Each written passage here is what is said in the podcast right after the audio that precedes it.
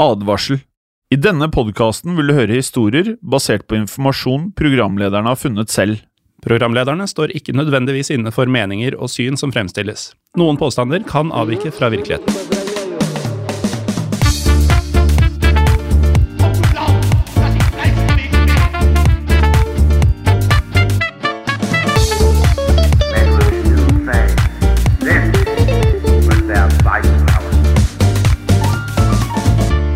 Hei, og velkommen til en ny episode av Historiepodden andre verdenskrig. Mitt navn er Morten Galaasen. Og mitt navn er Jim Fosheim.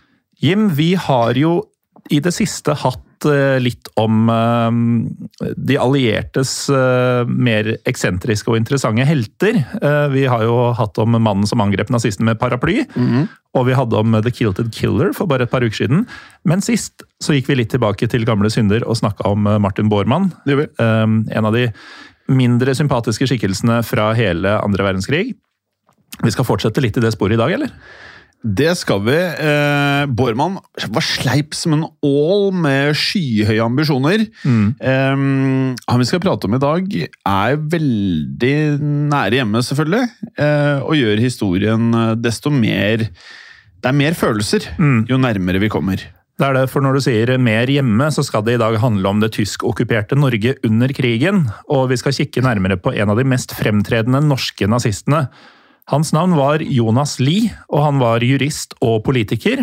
Og han var politiminister i Vidkun Quislings regjering. Og her er det såpass mye å ta tak i og såpass mye å snakke om at vi har delt denne episoden opp i to deler. Det er riktig, det. I eh, første del, altså i dagens episode, så skal vi undersøke Lies eh, bakgrunn, og også vei inn i eh, nazismen. Mens i neste episode vil vi ta for oss hans utenlandsoppdrag i SS og hans tid som politiminister. Vi kan også nevne at eh, i 2010 kom en biografi om eh, Lie med tittelen «Med penn og pistol om politiminister Jonas Lie». Boken er skrevet av Bernt Rogtvedt, eh, og den har vært en av kildene som vi har vurdert når vi har laget denne episoden. Ja, definitivt verdt å anskaffe seg. Før Jonas Lie ble politiminister i Quislings nazistiske regjering, så hadde Lie hatt et oppsiktsvekkende liv og en variert CV bak seg. Lie hadde også hatt en noe overraskende sidekarriere, men den skal vi ikke avsløre helt ennå. Nei, den venter vi litt med. La oss heller da spole tiden tilbake til den siste dagen i det 19. århundre, nemlig 31. desember 1899. Og da ble Jonas Lie født i Kristiania, altså dagens Oslo. Han ble oppkalt etter sin bestefar, som eh, ikke var noen ringere enn forfatteren Jonas Lie. Ja, og vi kan ikke understreke nok at dette er to forskjellige Jonas Lier. Ja, det er uh, helt forskjellige. Uh, Jonas Lie den eldre regnes uh, som kjent blant de fire store innen norsk litteratur, sammen med Bjørnstjerne Bjørnson, Henrik Ibsen og Alexander Kielland. Når jeg sier de fire navnene, så minner det meg litt om skolen. Ja, Veldig ungdomsskole, videregående vibber av de navnene. Og måten det, disse her ble lært til meg på, gjorde at jeg ikke nødvendigvis tok noe flere dypdykk i materialet etter jeg var ferdig på skolen. Jeg tror de færreste 15-åringer får mersmak av eh, måten, i hvert fall da vi gikk på skolen, da, måten Ja. vi ble lært om, eh, om disse på, og litteraturhistorie og sånn.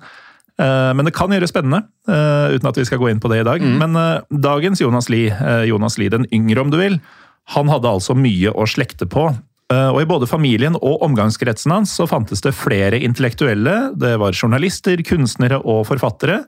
Og derfor var det kanskje ikke overraskende at Jonas Lie selv ønska å skrive, men han var også eventyrlysten. Så etter å ha tatt eh, eksamen artium som 17-åring, så reiste Jonas Lie til Tyskland for å være korrespondent under første verdenskrig. Det stemmer, det. Øh, Og under dette oppholdet da i Tyskland skal han ha blitt mer kjent med den tyske kulturen og nasjonen Tyskland. I tillegg til at han eh, fikk eh, smaken på en militær utdanning. I 1919 så gikk han ut fra krigsskolen, og han besøkte da Tyskland flere ganger som ung mann og fulgte nøye med på utviklingen og også dette kaoset som hadde oppstått i Tyskland i mellomkrigstiden. Ja, og Hvis man går tilbake til eh, noen av våre aller første episoder i denne podkasten, så kan du bl.a. høre om Versailles-traktaten. Der snakker vi en del om hva slags kaos Tyskland var i i disse årene. Mm. Eh, og han håpet da på en eh, langt bedre fremtid for eh, Tyskland, men ytret aldri noen form for støtte, så vidt eh, vi vet, til verken Hitler eller nazipartiet. Og dette skulle da komme senere. Mm. Hjemme i Norge så utdanna Lie seg til jurist, samtidig som han dyrka sin lidenskap og hobby, skriving. Og han fikk to romaner publisert, uten at de gjorde særlig inntrykk i, eh, i hans samtid. Fra 1925 til 1930 så arbeida Jonas Lie som sakfører i Vestfoldbyen Holmestrand. Deretter gikk han inn i politiet, og allerede to år etter ble han nestleder i statspolitiet. Dette var en avdeling og styrke som skulle slå ned opprør, og slik ble Lie involvert i flere fysiske slag mellom streikende arbeidere og politiet på 1930-tallet. Det er riktig, det.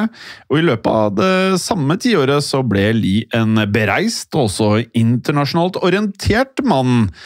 Vinteren 1934 til 1935 så fungerte han som politioffiser i Saarland, der en folkeavstemning skulle avgjøre om området skulle tilhøre Tyskland eller om det skulle tilhøre Frankrike. Og Senere så var han medlem av Folkeforbundets delegasjon, som skulle tilrettelegge for en tilsvarende folkeavstemning i provinsen Alexandrette, som da lå mellom Tyrkia og Syria. For dette arbeidet fikk han en æresmedalje. Men ikke nok med det. I 1936 så fikk Jonas Lie ansvaret for en svært profilert eh, politisk flyktning som var kommet til Norge året før, nemlig kommunisten Lev Trotskij. Og Hvis man hører på vanlig historiepodden, så har vi jo eh, episode om han der, for dem som ønsker å vite mer om Trotskij. Men eh, Trotskij var jo på flukt da fra Josef Stalins eh, politiske utrenskninger, og etter at Trotskij var blitt utvist fra Norge av politiske årsaker, så var det Jonas Lie som fikk oppgaven med å eskortere Trotskij til hans neste oppholdssted, Mexico. Og fra Mexico så reiste Jonas Lie til USA, der han oppsøkte FBI-direktør J. Edgar Hoover og studerte FBIs arbeidsmetoder. Ja, det er ikke, det er ikke lite begivenhetsrikt allerede her. Nei, det, det er en mann som opplever det ene og det andre. Det er det. Senhøsten 1939 ble Lie beordret til Finnmark i forbindelse med den finsk-sovjetiske vinterkrigen, og han ble raskt sjef for overvåkningspolitiet i Kirkenes. Mens han tjenestegjorde her, så ble Lie godt kjent med løytnant Carl Martinsen. Martinsen skulle senere bli sjef for statspolitiet under krigen, og en nær forbundsfelle for Lie.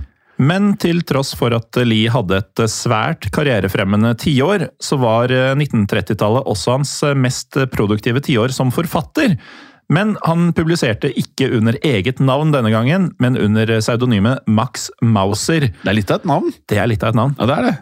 Eh, Og Lie ga ut eh, til sammen fem rendyrka kriminalromaner, angivelig fordi han slet med gjeld. En av bøkene, En hai følger båten, fra 1939, skal Jonas Lie ha skrevet på båten over Atlanteren da han fulgte Lev Trotskij til Mexico. Mm.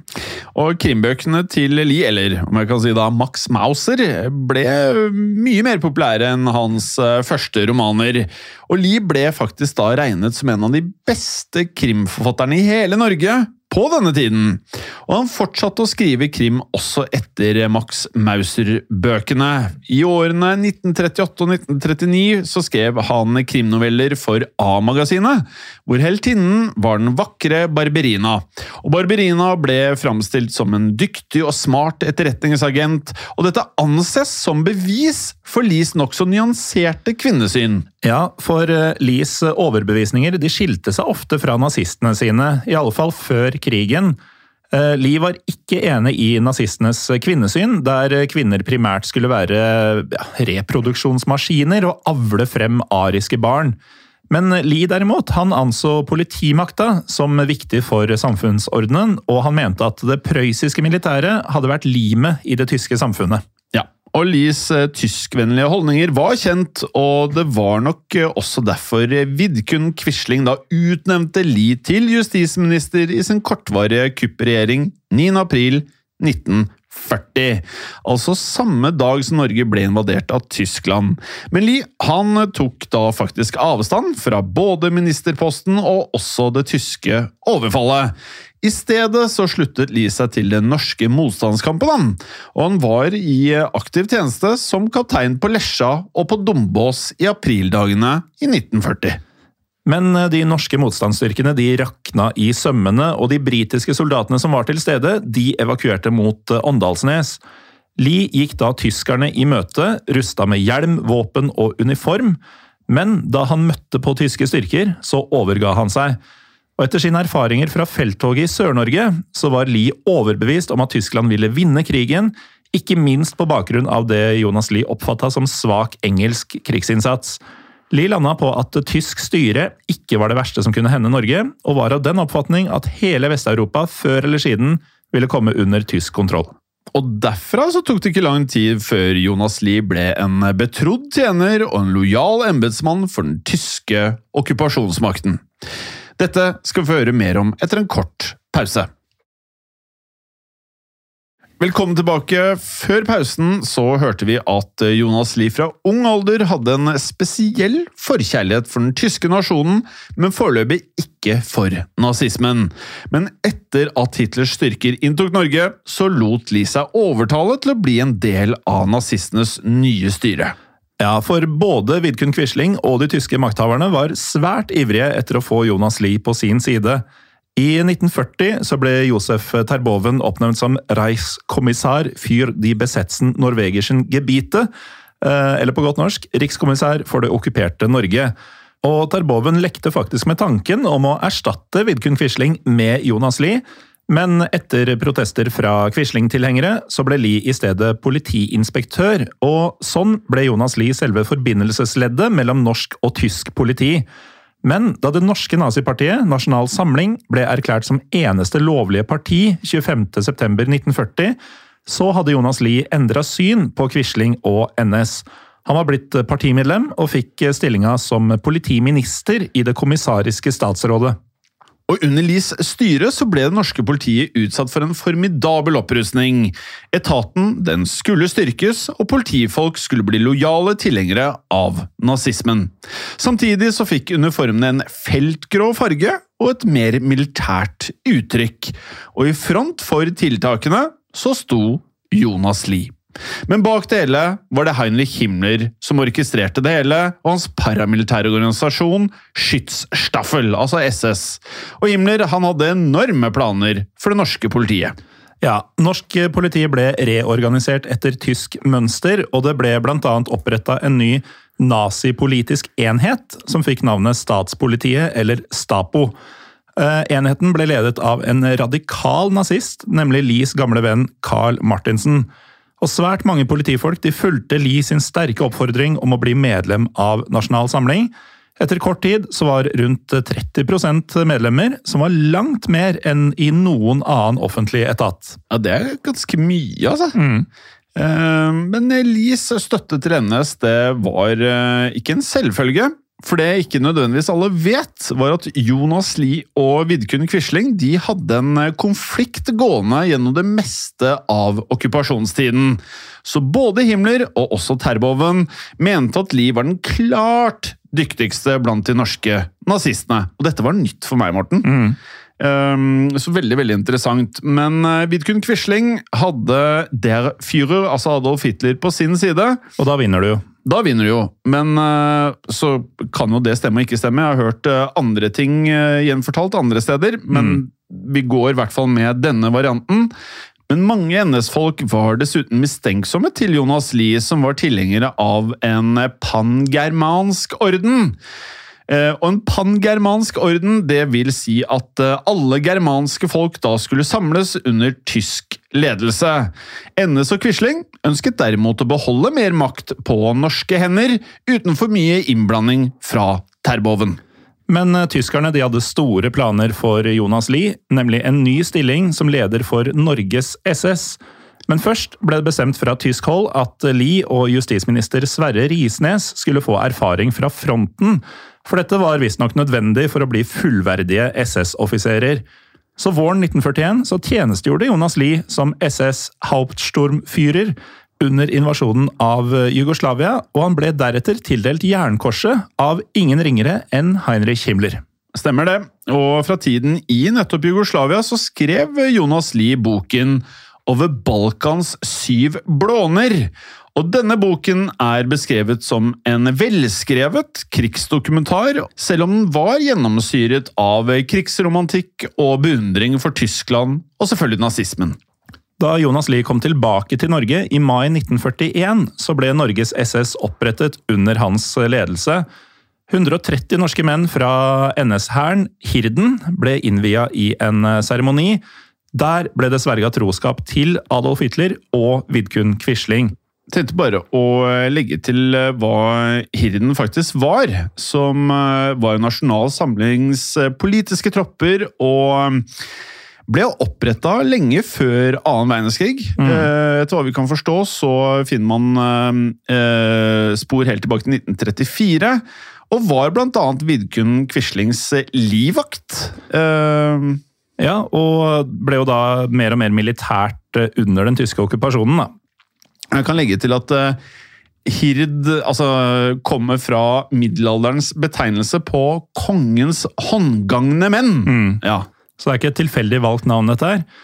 Eh, Men uansett, etter denne seremonien hvor man da sverga troskap til Adolf Hitler og Vidkun Quisling, så gjennomgikk rekruttene en fire ukers opplæring i bl.a.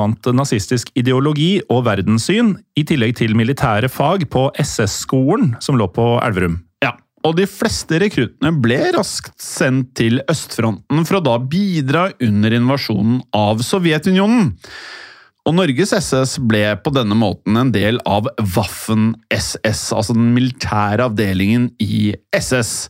Men også Jonas Lie reiste østover, slik at eh, høsten 1941 så reiste Lie på det man eh, kan kalle en grotesk studietur. Eh, og på denne turen så ble han vitne til nazitroppers arbeid i, disse okkuperte områdene. Ja, I Berlin så overvar Jonas Lie en fengslingsaksjon retta mot jøder. Deretter fulgte han aksjonene til Einsatzgruppen, som var SS sine dødsskvadroner i Ukraina. Og Der ble Lie vitne til de store massakrene i byen Odessa mellom 22. og 24. oktober.